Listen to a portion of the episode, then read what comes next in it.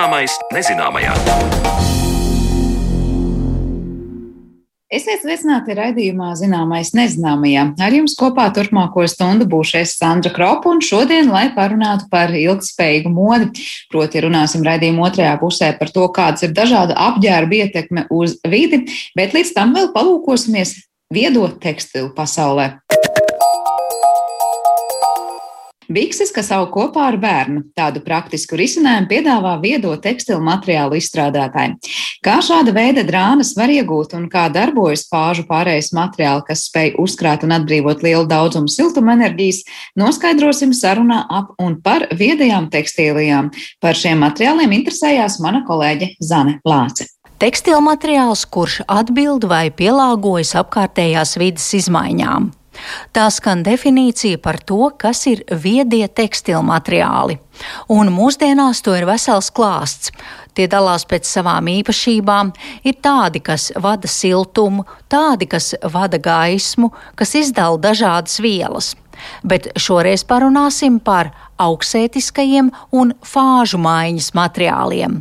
Bet pirms lūkot katru materiālu atsevišķi, attālinātā sarunā jautāju Rīgas Tehniskās Universitātes, Materiāla zinātnes un lietišķās ķīmijas fakultātes un Dizaina tehnoloģija institūta pasniedzējai un doktorantei Ilzei Balgalei, cik sena ir vēsture, kad cilvēki sāka veidot šīs gudrās drānas, kuras reaģē uz valkātāju vai apkārtējo vidi.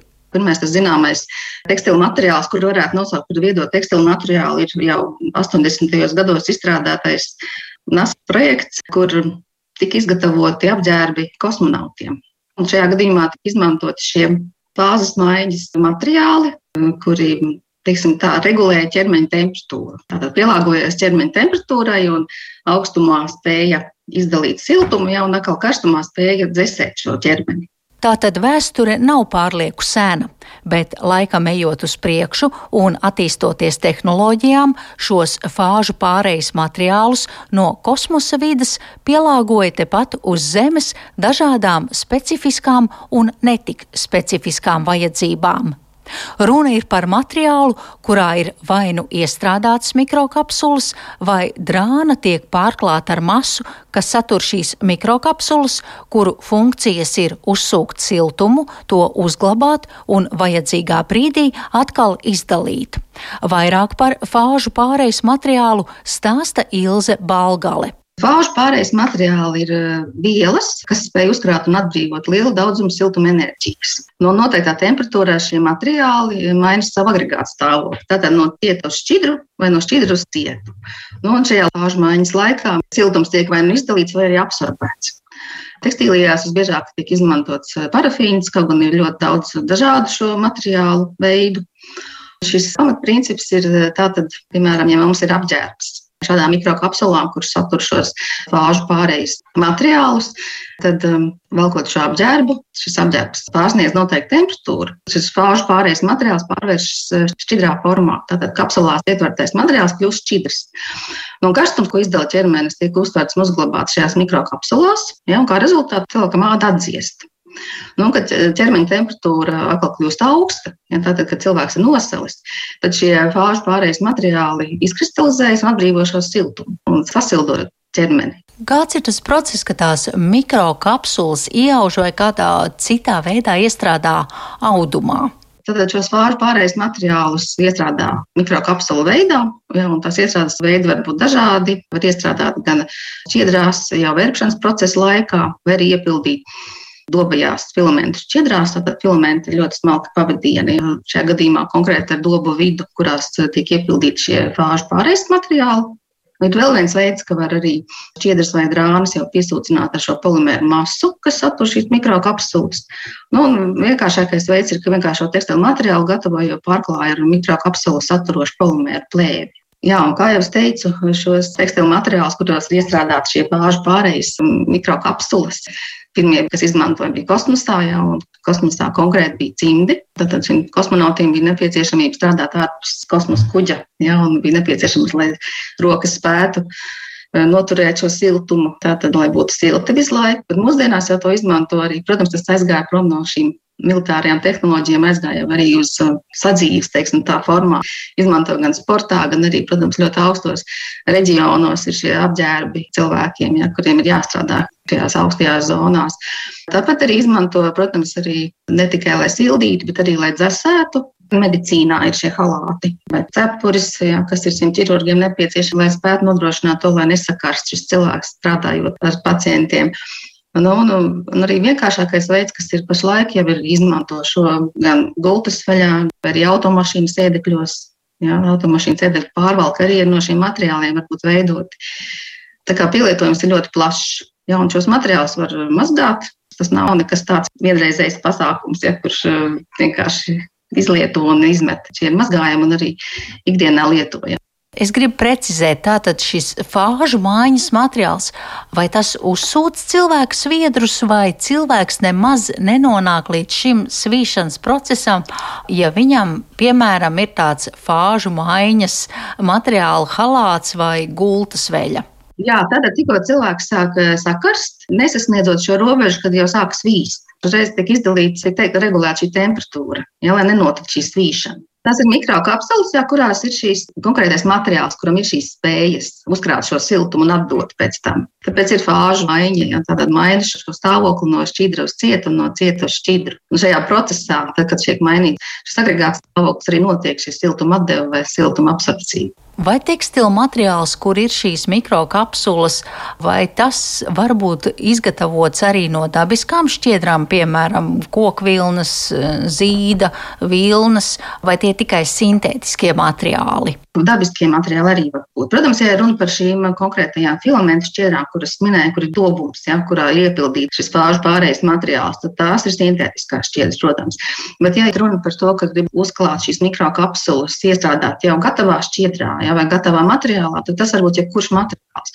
Jo gultas veļa, ja, gultas veļa, tas ir izgatavots no viskozes materiāla. Tātad no mākslīgiem šķiedrām. Tās varbūt nav dabiskās, bet tās mākslīgās, bet kurām šīs īpašības ir ļoti līdzīgas šīm dabiskajām šķiedrām. Tālāk skatot viedo tekstīliju klāstu, ar kurām mūs iepazīstina Rīgas Tehniskās Universitātes Dizaina tehnoloģija institūta pasniedzēja un doktorante Ilze Balgali, parādās jauns nosaukums augsētiskie tekstilu materiāli.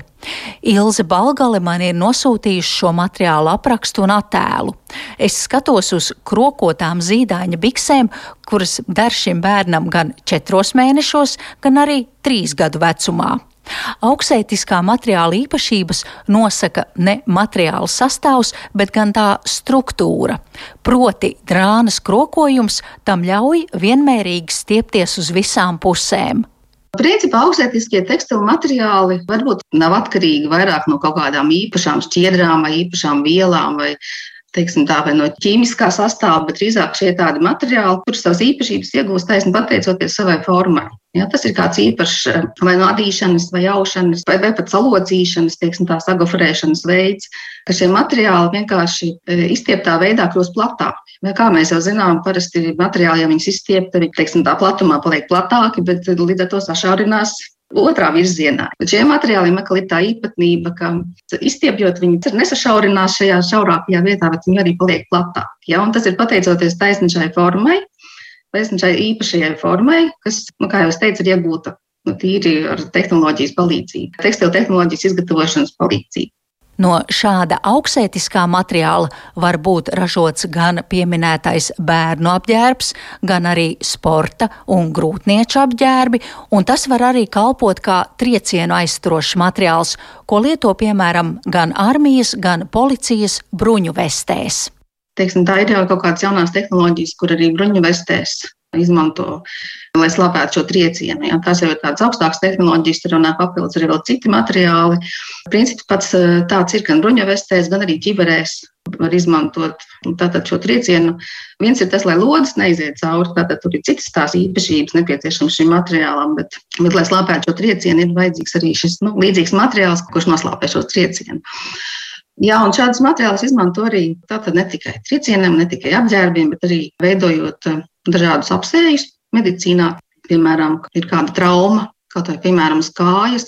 Un, ja šādā materiālā papildus ir iestrādāts arī kapsulas, kuras izdala zāles, tad vienkārši brīdī, kad šis ķermeņa daļai ir ir sapampus šī ķermeņa daļa, ja šis materiāls pielāgojas, ja teiksim, viņš izplešas mazliet, jā, un tad tajā brīdī šīs zāles var iekļūt atkal šajās sāpošajās vietās, jā, tajās vietās, kuras nepieciešams ārste. Nu, atkal, kad šis pampums paliek mazāks, tad šis materiāls atkal saraujas, tā, nu, kā saraujas, atkal iegūst citu formu, jā, un atkal pielāgojas šai kājas formai.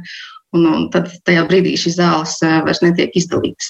Vai es pareizi sapratu, ka šis materiāls, ka šajā gadījumā tas materiāls darbojas kā piemēram elastīgā saite, kur uzliek, ja piemēram cilvēks ir sastieps roku vai kāju, tad saite gan fiksē šo bojāto vietu, un ja to piesūcina ar kādām zāļvielām, tad tā arī vienlaikus ārstē. Tas ir līdzīgi, jā, bet šajā gadījumā elastīgās saites gadījumā varbūt tas ir mazliet savādāk. Tur kā elastīgā saite, nu, kā jau teicu, ka parastie materiāli izstiepjot vienā virzienā, saraujas otrā virzienā, tad šie materiāli vienmērīgi izstiepjas, vienmērīgi izstiepjas visos virzienos.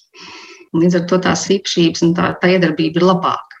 Kā ir ar mazgāšanu? Kas notiek, ja izmazgā šādu materiālu, vai tas paliek tāds pats un saglabā tās savas īpašības? Šie materiāli saglabā savas īpašības arī pēc mazgāšanas un arī pēc daudzkārtējas mazgāšanas. Par viedajiem un fāžu mājiņas tekstilu materiāliem stāstīja Rīgas Tehniskās Universitātes materiāla zinātnes un lietišķās ķīmijas fakultātes un dizaina tehnoloģija institūta pasniedzēja doktorante Ilze Balgale. Ar viņu sazinājās mana kolēģe Zana Lāca. Bet raidījuma turpinājumā mēs parunāsim par to, kāda tad ir ietekme uz vidi vienam tēkreklam.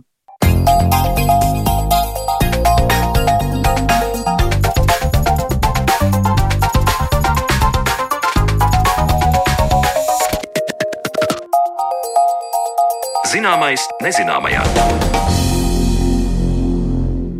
Biedrība Zaļā brīvība sākusi projektu ar saukli Atmasko tēkraklu. Par modes industrijas ietekmi uz vidi mēs raidījumos esam runājuši ik pa laikam, taču šodien tad nu palūkosimies uz vienu no mums tik ļoti labiem un saprotamiem piemēriem, proti tēkraklu. Kā tad tas top un cik daudz cilvēku un dabas resursu ir ieguldīti, lai šāda viena vienība taptu? Un kas ar to notiek tad, kad mums tas vairs nav vajadzīgs? Par to visu mēs runāsim raidījuma turpinājumā, jo sarunu mūsu attālinātajā studijā esam aicinājuši biedrība Zaļā brīvība ilgspējīgās modes eksperti Dāci Ākulu. Labdien! Labdien! Uh, vispirms par pašu jauno projektu vai jauno aktivitāti, jo es zinu, ka arī Zaļā brīvība ir jau labu laiku runājusi par ātrās modes ietekmi uz vidi. Kas ir šis te atmasko tēkreku par iniciatīvu? Tā ir kampaņa, kuru mēs cenšamies uzrunāt jauniešus 13 eh, līdz 25 gadu vecumā eh, caur sociālajiem tīkliem un arī nodarbībām skolās, eh, lai caur tēkraklu kā piemēru, kas ir ļoti populārs apģērbs vispār sabiedrībās, bet nu, arī īpaši jauniešos, viņiem parādītu apģērbu industrijas ietekmu uz vidi un arī risinājumiem, kas varbūt var stiprināt to ilgspēju jeb aprits ekonomiku, kas tad nodrošinātu, ka mūsu tēkra Akls, kā jūs minējāt, tad, kad vairs to mēs nevaram vai negribam valkāt, tomēr kaut kā jēgpilni tiek izmantots vienā vai otrā veidā, paturot tos resursus, tā skaitā vides un cilvēku resursus, kas ir ieguldīti tēkrakla ražošanā, tomēr joprojām apritē, nevis aizsūtīt uz to atkritumu poligonu vai sadedzināt. Un mēs ar jauniešiem runājam par šīm tēmām caur pieciem posmiem, lai tā detalizētu to ietekmi un ļautu iedziļināties caur to tēkrakla projektu. Mēs sākām ar izēvielām, kas galu galā tēkraklam ir, kā saka, vēderā, no kā tas nāk, kas ir populārākās izēvielas un kāda ir to ietekme uz vidi un tādi plusi un mīnus, kas katrai šķiedrai ir. Tad mēs runājam par dizainu, par to, kā galu galā dizaina lēmumi nozīmē konkrētas lietas tēkrakla kvalitātei un arī dzīves ilgumam un iespējai pārstrādāt, un kā varbūt ātrā mode ar dažādām tendencēm mazina visas šīs iespējas un mēs runājam arī par to ražošanas procesu. Tieši šobrīd esam ražošanas fāzē un runājam gan par tiem darba spēka apstākļiem, atalgojumiem, nedrošību, arī vidas standartiem, kas ļoti bieži Āzijas valstīs, no kurām nāk ļoti daudz tēkraku pie mums, ir daudz zemāk nekā Eiropā. Un tad mums vēl priekšā ir divi posmi, kur mēs vairāk runāsim par patēriņu un arī pēc patēriņa, to, kas notiek ar to tēkraku, kad mēs gribam to pārstrādāt, pārveidot, vai nu, tur ir tā pēdējā pietura, atkrituma poligons vai kaut kas tamlīdzīgs. Caur šiem visiem posmiem mēs gribam jauniešiem parādīt, uh, dot iespējas arī atmaskot to savus tēkraklus. Mums ir konkursi, kur mēs mudinam viņus palasīt birciņas savos tēkraklos, saprast, kāds ir sastāvs, kurā vietā ražots. Kāpēc, kā varbūt ir veidots tas dizains, ko tas varētu nozīmēt tēkrakla nākotnē. Un arī tagad mēs mudināsim viņus domāt par gudrākiem, teiksim, patēriņa paradumiem, arī tēkrakla kopšanas paradumiem, kam arī ir ietekme uz vidi. Un tad arī, protams, par šo pēdējo pārstrādes fāzi, kur varbūt jauniešiem radīsies idejas, kā piemēram no tēkrakla varētu radīt jaunu produktu un nemetot viņu tomēr atkritumos. Bet es pieļauju, ka tas stāsts nav tikai par tēkrakli, ja mēs runājam par to ietekmi, kādu jūs vēlaties varbūt vizualizēt.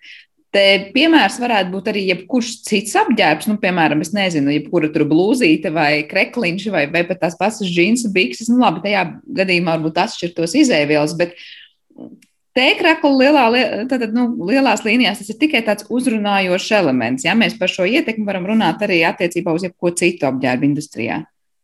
Protams, bet par tēkraku mēs tiešām runājam, tāpēc ka ne tikai tas ir populārs apģērbs, un mums, es domāju, daudziem lielākai daļai tomēr skapī kāds ir, un mēs varam līdz ar to asociēties un saprast to visu, ko mēs runājam caur arī sava skapja saturu un pareizināt dažas lietas ar to, cik mums tēkrakls kapī, piemēram, ar to faktu, ka vienam tēkraklam, kas ir kokvilnas tēkrakls, aiziet 2700 litru ūdens. Nu, tad, ja mēs pareizinām, cik man ir skapī, mēs konkrēti varam saprast, kāda ir mana, teiksim, ūdens patēriņa ietekme, ja tieši caur šo te tēkraklu prizmu. Bet otrs iemesls arī tas, ka tēkrakls ir visai tāds pētīts apģērbs patiesībā, un mēs varam balstīties dažādos pētījumos un arī tā tādās interesantās iniciatīvās, kas dažādas pilsoniskās sabiedrības kā, kopas aktīvisti ir jau īstenojuši un, un izpētījuši gan to tēkraklu ceļu. Amerikā viens tāds ļoti interesants projekts bijis, kur pūļa finansējuma rezultātā cilvēki ir devuši uh, nevalstiskajai organizācijai iespēju ražot tēkraklus divās vietās, vienā Azijā, otra Dienvidā Amerikā, un tad saprast to tēkraklu ceļu. Ir arī citas nevalstiskās organizācijas, kas ir pētījušas to, kā cilvēki reaģētu uz iespēju nopirkt divu eiro vērtības tēkraklu, ja viņi saprastu, kādi ir darba apstākļi cilvēkiem. Un ir arī gal galā pati industrija, kas katru gadu, ticiet vai nē, publiski publicē ziņojumus, ļoti detalizētus ziņojumus tieši par tēkrakla ražošanas tendencēm, kā mainās statistika gan ar ražošanas apjomiem, gan ar patēriņu. Līdz ar to ir diezgan daudz tie dati, par ko runāt, un, un tiešām sasaistot kopā ar to, ka jauniešiem arī šis apģērbs ir ļoti populārs, mēs varam caur apģērba viena konkrēta piemēru runāt par visu industrijas ietekmi.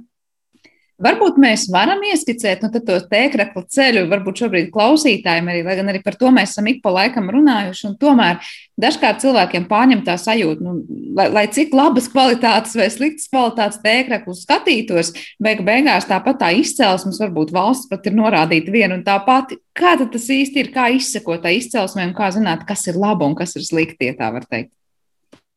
nu, diemžēl ar, ar tiem tēkrakliem ir līdzīgi kā citiem apģērbiem. Nu, tur arī ir, protams, jautājums, labs un slikts, kādā kontekstā, jo mēs arī ar jauniešiem runājam par tēkrakliem, kas, piemēram, ir vajadzīgi sportošanai. Tas ir pavisam cits konteksts, un mēs nevaram runāt, ka nu, noteikti intensīvā sportā un garos treniņos, ka nav iespējams, piemēram, nomainīt drēbes, tad simtprocentīgā kokvilnas tēkraklā, kas varbūt ir organiski ražota, kas nozīmē, ka tas ir vidēji daudz saudzīgāks veids, kā tikt pie kokvilnas šķiedras, nebūs tas labākais variants. Ja? Tāpēc nav tā, ka te ir arī tāda superīga pareizā atbilde, kuru iedodot, mēs varam visiem dot dot recepti, kā turpināt rīkoties. Bet, protams, ir ļoti daudz lietas, kas tēkrakla ceļa pašā sākumā attiecas tieši uz izēvielu, jeb šķiedrām, kā tēkrakls ir tapis un ļoti populārs tēkrakla materiāls ir 95% parastās kokvilnas. Te mēs domājam pēc parastajām metodēm, neorganiskās kokvilnas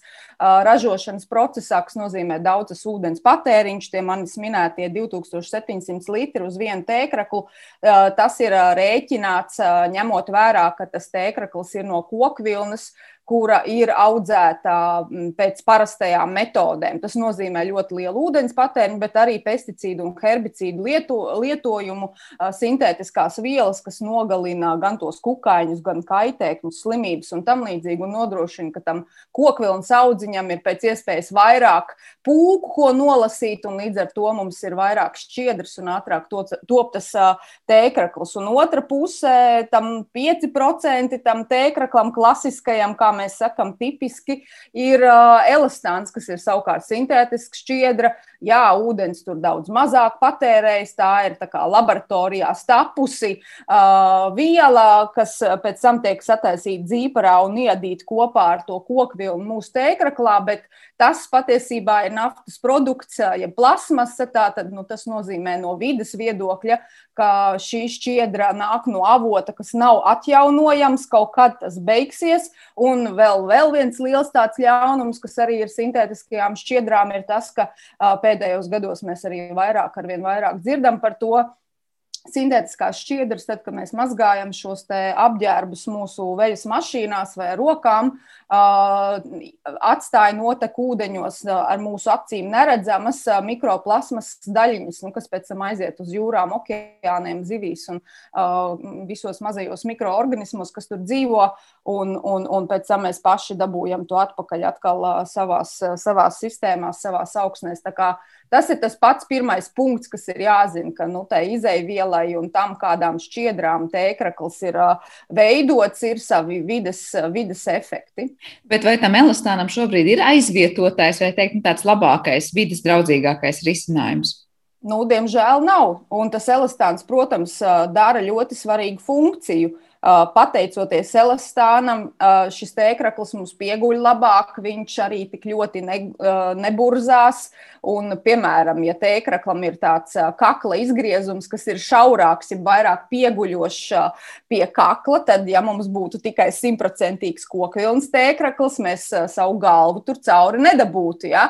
Tāpēc tas elastāns un tas, tas tiešām staipīgums, kas nāk no šī nelielā pieauguma tam tēkraklam, patiesībā nozīmē kaut kādā ziņā, ka tas tēkrakls ir mums funkcionālāks un arī Arī līdz ar to varbūt labāk tiešām nu, pild, pild to funkciju, kura dēļ mēs to tēkraklam esam izvēlējušies. Bet nu, no otras puses, elastāns visai ātri arī uh, saplīs. Nu, viņš ir kā gumija, principā. Ja? Un pēc kaut kādiem gadiem uh, droši vien, ka daudzi varbūt var asociēt šo, ka tādi tēkrakli kaut kas viņiem tur notiek. Ja? Jo tur tas kokteilis, pateicoties elastānam, kas ir tādā veidā vecs palicis, ja? vienkārši sabrūk sabrūk vai saplīst, nu, vienkārši paliek vecs. Ja? Bet, Jā. Industrija nav, nav nu, aizstājusi elastānu ar kaut ko citu. Tas, protams, nenozīmē, ka tas varētu nenotikt, jo industrija pati saprot arī visādas šīs blaknes un lietas, kur ir jāmeklē citi risinājumi un arī tā skaitā jauna materiāla. Jā, bet es tieši gribēju jautāt, nu, cilvēki, protams, ka turpinās uh, pirkt tādus tēkļus vai apģērbu, jebkuru citu gabalu, kas būs uh, ērts uh, valkāšanā. Tad, tad nu, bez tā elastāna šobrīd nu, diez vai mēs vilksim to tēkļu un tiešām arī to lietosim. Jautājums, vai risinājums būs tajā, ka cilvēki sāks tiešām apdomīgāk patērēt, un tad, ja mēs tur tiešām patērēsim tikai tik, cik mums ir vajadzīgs, nevis tik, cik vienkārši gribas salikt skapī mēs to problēmu atrisināsim, vai kamēr industrija nepiedāvās citu materiālu, nekas jau lielās līnijās nemainīsies. Tur, es domāju, ir atbilde abās jūsu minētajās versijās, jo, protams, viena liela industrijas problēma, kas saistās tiešām ar mums, ir tas patēriņš, bet, protams, mēs nevaram visu to uzmest uz individu, jo, protams, industrija mums piedāvā to, ko piedāvā, un tā ir tāda miedarbība starp to, kas ir piedāvāts un to, kas ir pieprasīts.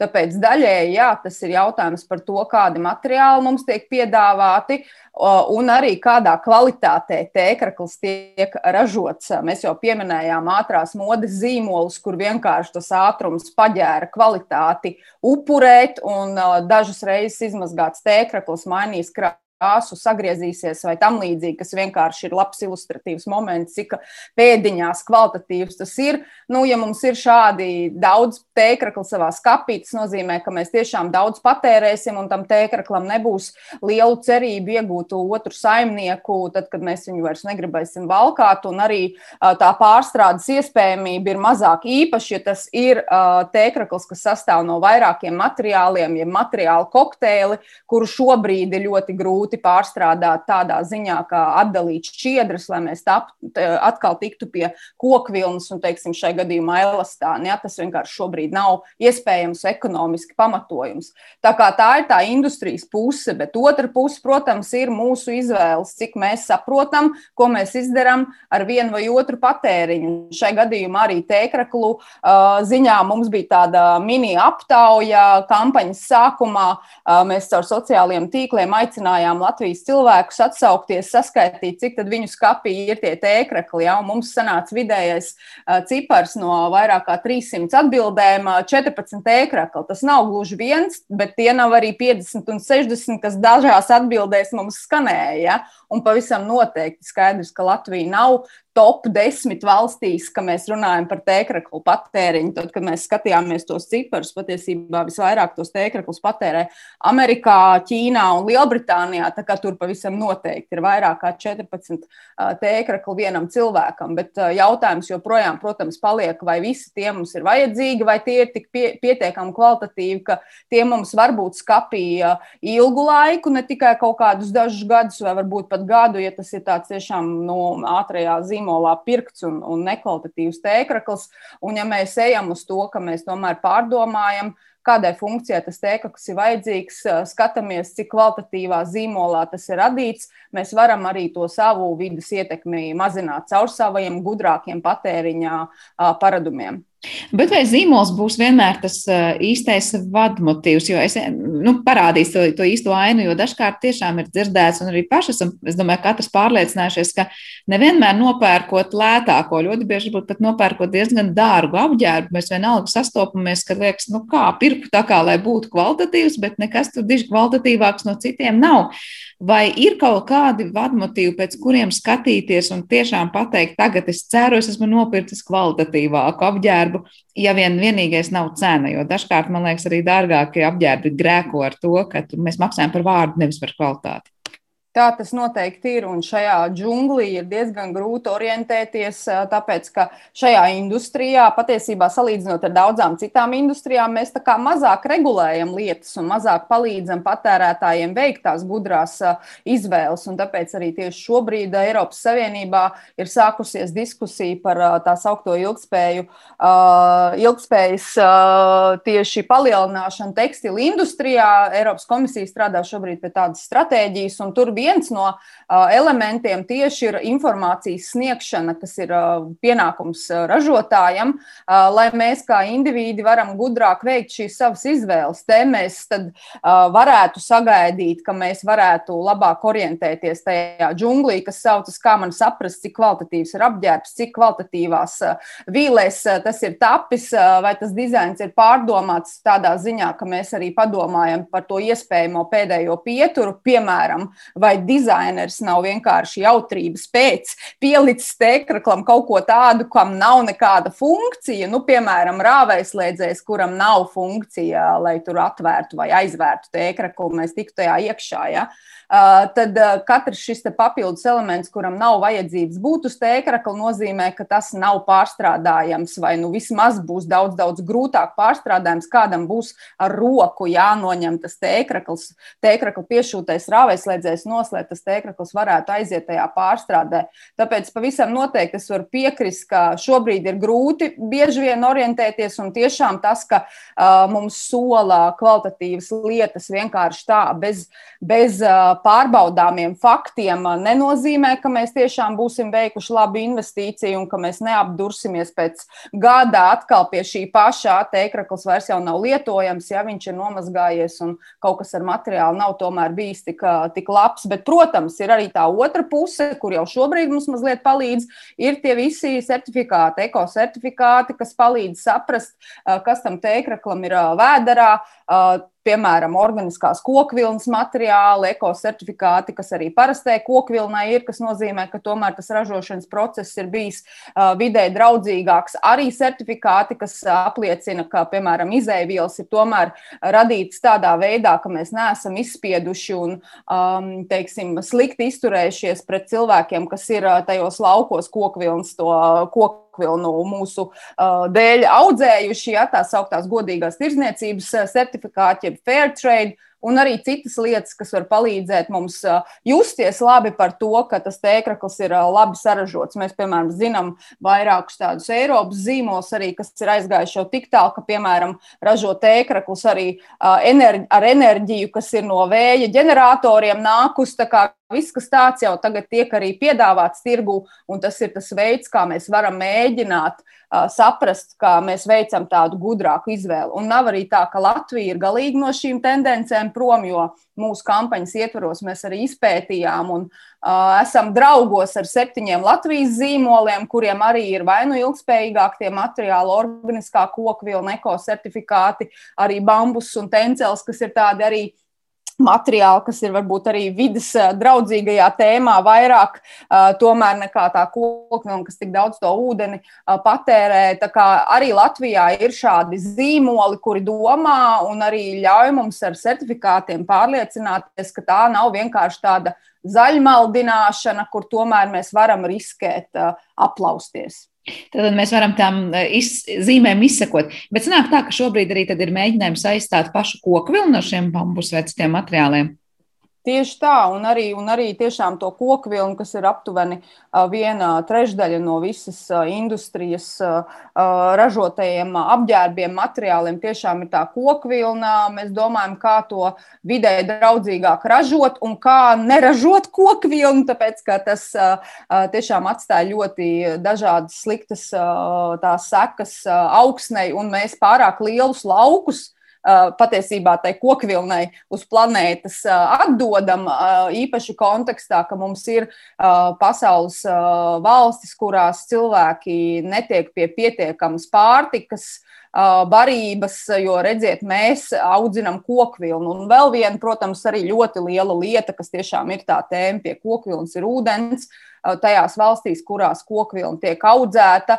Daļās no tām uh, vienkārši ir ļoti liels ūdens trūkums, un, uh, ja mēs šādi turpināsim, tad tur būs izvēles vai nu mums ir kokvilnas ražošanas industrija, vai mums nav vienkārši pašiem ūdens, ko lietot ikdienā. Ja? Tā kā Tie ir tie iemesli, kāpēc meklēt citus materiālus nekā kokvilnu. Un tad mēs skatāmies uz lietām, kas ātrāk aug, ir vienkāršāk novācamas, pārstrādājamas un tiešām arī mazāk izveidu, izmanto tos vidas resursus un arī piesārņotos vidas resursus nekā kokvilna.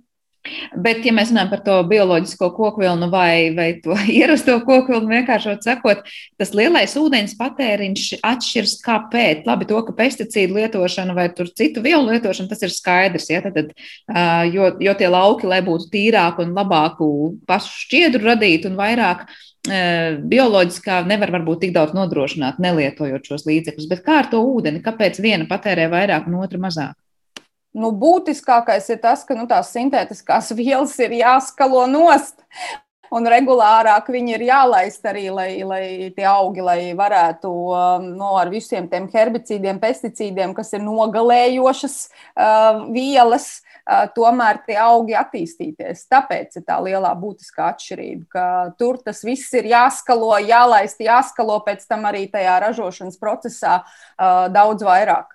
Tātad tas nav stāsts par to, ka pašam augam vajag šo ūdeni. Tas ir stāsts par to, kā vajag noskalot to, ko esam uz tā uzlikuši vai pēc tam ražošanas procesā pievienojuši.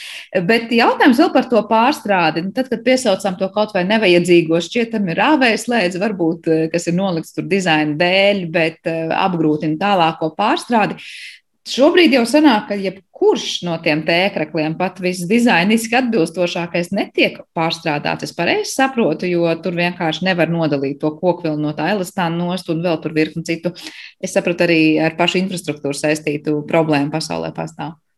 Jā, jo mēs tikai 25. gadā Eiropas Savienībā esam vienojušies, ka mēs dalīti vāksim arī tekstila atkritumus, jeb lietas no mūsu mājas tekstila un arī apģērba produktiem, uh, kurus mēs vairs negribēsim vai nevarēsim valkāt. Šobrīd mēs to visu uh, ar ļoti retiem izņēmumiem, 60 konteineriem Latvijā, ja, tomēr uh, metam sadzīves atkritumos, kas nozīmē, ka šiem apģērbiem, tekstilu produktiem nav nekādas cerības tikt pārstrādāt pārstrādātiem. Viņi sajaucas ar visu to citu, kas mums sadzīves atkritumos ir. Bet nu, šobrīd mums ir jāveido tā sistēma. Mēs Latvijā pie tā arī strādājam, lai tā infrastruktūra rastos un līdz ar to tas, ka tas dalītais, tā, dalītā šķirošana tiktu ieviest arī uz tekstila atkritumiem, tas nozīmē, ka tiešām tā iespējamība pārstrādāt, pārveidot, ar gal galā atrast vēl vienu saimnieku tam tēkraklam, ja, kurš varbūt būs tādā kvalitātē un tādā, teiksim, dzīves ciklā posmā, ka tomēr ar to vēl kaut ko var darīt tieši atkal lietojot. Ja? Bet tā otra puse, jā, ir tas, kā kā mēs veidojam dizainiski, jo tas arī ir dizaina lēmums, kas mums ir auduma izvēlē tēkraklu gadījumā, kas tas ir par kokteili. Un, un tur arī tā industrija ļoti domā līdzi. Ir arī tādas inovācijas, kas ļauj atdalīt tos tās šķiedras. Vienkārši tas ir ļoti ekonomiski dārgi šobrīd. Un, un, un, bet tas nenozīmē, kā mēs zinām, mobīlie telefoni pirms 25 gadiem arī bija lieli kluči, kur ļoti reti cilvēki varēja atļauties. Uh, nu, šodien mēs esam citā situācijā, un, un es domāju, ka arī šajā te, uh, tēmā, uh, kas saucas pārstrāde un šķiedru atdalīšana, noteikti arī uh, industrija pati saprotot, ka ir jāiegulda, un tiešām lielie tie zīmoli arī iegulda tajā virzienā, noteikti arī atradīs uh, ar laiku tehnoloģijas, kas ļaus tomēr to tēkraklu arī pārstrādāt. Arī tādu, kurā ir vairāk kā viena šķiedra, jo ir jau arī tādi, kuriem ir trīs šķiedras, nav tikai tās divas, ja, un, un tā tie, tās tiešām ir liels izaicinājums. Tā kā šobrīd jau vairāk norādīti materiālu veidi, jo, jo sliktāk dabai tā var teikt. Nu, jā, jo principā tur ir divi varianti tajā pēdējā pieturā, kad mums ir uh, vēl kvalitatīvs tēkraklis, ko tomēr mēs nevaram vai negribam lietot. Tad vai nu mēs to uh, varam noglabāt atkritumu poligonā, nu, ja viņš aiziet tajā sadzīves atkritumu sadaļā, vai ja mēs neaizlaižam to tajā sadzīves atkritumu sadaļā, mēs varam to pārveidot kādā citā produktā vai pielietojumā. Nu, daudz, es domāju, Latvijā var asociēt sevi ar stāstu, ka tādi tēkrekli, kuram ir tomēr tā kokvilna diezgan daudz iekšā, vai pat ja viņš ir tas simtprocentīgi kokvilnas tēkrekls, tad tur var aiziet tīrīšanas lupatas un tam līdzīgi. Bet nu, ir arī, protams, mums zīmoli un arī kaut vai māju pašu kaut kādos ietvaros, ģimenes ietvaros mēs varam pārtaisīt šo tēkreklu par kaut kādu citu apgabalu apģērbu, piešūt tur, es nezinu, volānu otro daļu, tapt, tapsmu kleitiņa un tam līdzīgi. Ja? Tā kā, ja tas tēkraklis ir kvalitatīvs ar visiem tiem kokteļiem, kas tam ir iekšā, mēs varam tomēr tam tēkraklam pagarināt arī to dzīvi, ja nelaižam iekšā tajā sadzīves atkritumu slēgā, ja kur tiešām tādas iespējas nav. Bet, bet es tiešām domāju, ka paies laiks un varbūt mums arī šajā sadaļā būs kaut kādas vairāk iespējas nekā šobrīd. Jā, es tieši gribēju teikt, ka no vienas puses izklausās tāds apgrieztais ritenis, jo nu, it kā varam meklēt pēc iespējas mazāk to izēvielu tajā tēkaklā un iespējams izdarīt vidē draudzīgākas izvēles. Tajā pašā laikā, lai varbūt meklētu tādu, kas kalpotu ilgāk un labāk, mums nu, nenoliedzami mēs nonāksim pie tā materiāla kokteļa daudz bagātīgāk jau sākumā. Varbūt tās šķiedras palīdzēs padarīt tādas, kas tiešām tur neizstiepsies tik ātri, tas tēkrakls vai kā citādi. Bet noslēdzot šo sarunu, es gribēju vēl akcentēt vienu jautājumu. Nu, no vienas puses mēs tagad runājam jā, par mums katru kā patērētāju, nu, mēs kā privāti personas, ja cik mēs savā skapī saliekam. Kā ir ar šo korporatīvo kultūru? Man liekas, ka nu, nav noslēpums, cik ļoti daudz, kur kā Mm, dažādas suvenīrus vai, nezinu, vajadzīgas un nevajadzīgas dāvanas, dāvinas tēkraklis vai arī lieto dažādās akcijās tēkraklis. Ir mums kaut kāda data par to, kāda ir ietekme uz vidi šiem te korporatīviem tēkrakliem un vai tā ir liela daļa patēriņa? Nu, tieši tos korporatīvos tēkraklus mēs nevaram izdalīt uh, no tiem visiem tēkraklu ziņojumiem, kas ir pieejami. Uh, bet bet uh, nu, es domāju, ka tā varētu būt uh, tomēr niecīga daļa no tā, ko vispār pasaulē laiž tēkraklu apjomā. Mēs runājam par 13 miljardiem tēkraklu, kas gadā tiek saražoti, no kuriem tikai uh, 4%, jeb no 100 tēkrakliem, uh, tikai 4 tēkrakli top Eiropas Savienībā. Lielākā daļa top tajās Āzijas valstīs, gandrīz vai puse no tēkrakliem tiek saražot Ķīnā un Ķīnā vai Āzijas valstīs par daudz lētākām naudām, tāpēc ka daudz zemāki dabas standarti un daudz zemāki arī vidas aizsardzības standarti. Top ļoti daudz šie korporatīvie tēkrakli, diemžēl, jo tas ir tāds lēts prieks, nu, paņemt tur kaut kādu pat ne eiro vērtībā, 2-3 eiro vērtībā dažreiz to tēkrakli un uzdrukāt savu logo vai kaut kādu tur saukli. Un tas arī ir viens no veidiem, kā mēs arī šajā gadījumā korporatīvie uh, zīmoli, ja, kas kaut kādu iemeslu dēļ tos tēkraklus taisa, radām savu slikto ietekmi uz vidi, jo tas tēkrakls jau ļoti lielos uh, gadījumos nu, nav ilgspējīgs. Cilvēki nevēl kā tos tēkraklus ar retiem izņēmumiem. Cilvēki valkā šādus te, uh, tēkraklus ilgāk kā uz pasākumu vai, vai, vai nu, uz kaut kādiem maratoniem, vai nezinu, kur tur viņi to tēkraklu ir dabūjuši. Tas pats arī attiec uz kaut kādiem mirkļa saukļiem, tur, uh, lai reaģētu uz kaut kādām tendencēm problēmām, kas pasaulē notiek, tur, es nezinu, uz Covid kaut ko tur pateikt, šodien nekādas tur rokas spiedienas vai apskāvienu un tam līdzīgi. Nu, cik tas būs aktuāli pēc kāda laika, tas ir jautājums. Un katra šāda lieta, kas atkal nozīmē dizains, ko mēs lācītim liekam virsū vai, vai, vai kā mēs to veidojam, uh, tam ir uh, sekas arī uh, vidas aspektā. Un katra šī lieta, kas ir nepārdomāta, arī šīs korporatīvās dāvanas tēkraklu formātā, protams, nav nekas foršs no patēriņa un arī šī ražošanas viedokļa, jo mēs radām lietas, kurām nav cerība būt ilgspējīgā apritē. Un arī tā kvalitāte, ja mēs bieži vien tomēr ņemam tos neilgspējīgos tēkraklus, ir apšaubām. Bet noteikti nevar arī nepateikt, ka daudzi no šiem zīmoliem, kas varbūt joprojām pamatot iemeslu dēļ tos tēkraklus piedāvā kā kaut kādu pasākuma elementus, Viņi var arī izvēlēties, un arī arvien vairāk izvēlas tēkrakus, kas tomēr nāk no tiem uh, ilgspējīgākiem atzariem. Un arī Latvijā vairāk tie zīmoli, ar ko mēs draudzējamies kampaņas ietvaros, un arī uh, Printful, kas ir liels Latvijas uzņēmums uh, starptautiskiem atzariem, arī savu uh, produktu klāstā ir iekļāvuši vairākus ilgspējīgus tēkrakus, kas šajā gadījumā ir organiskā kokvilna, kuriem ir tie certifikāti. Un jā, viņi ir nedaudz dārgāki nekā tie parastie tēkrakli no parastajām tām kokvilnas šķiedrām, bet arī tā ir tā iespēja iespēja, ka nu, tas tēklis būs kvalitatīvāks, bet tik un tā es, protams, mudinātu šajos gadījumos nu, septiņas reizes apdomāt, vai tiešām to tēkli šādu iemeslu dēļ vajadzētu radīt. Nu, ja tiešām vajag radīt, tad, tad uh, tomēr mēģināt atrast tos veidus, kā šeit pat Eiropā radītus tēkļus mēs varam uh, no ilgspējas atzara uh, apdrukāt. Jā, paldies, Lielas. Nu, tiešām viela pārdomām visos līmeņos, gan kā korporatīvā kultūrā, tā arī katram pašam par savu skatu, ko padomāt. Atgādināšu klausītājiem, ka šajā raidījuma pusstundā mēs dzirdējām biedrības zaļā brīvība ilgspējīgās modes ekspertu Dāci Akuli. Ar to arī šīs raidījums ir izskanējis, un paldies par to producentēs Armītei Kolātei un mūzikas redaktoram Girtam Bišam. Ar jums kopā bija es Sandra Kropa, un es atgādinu, ka mūsu raidījums var dzirdēt arī populārākajās podkāstu vietnēs. Uz tikšanos!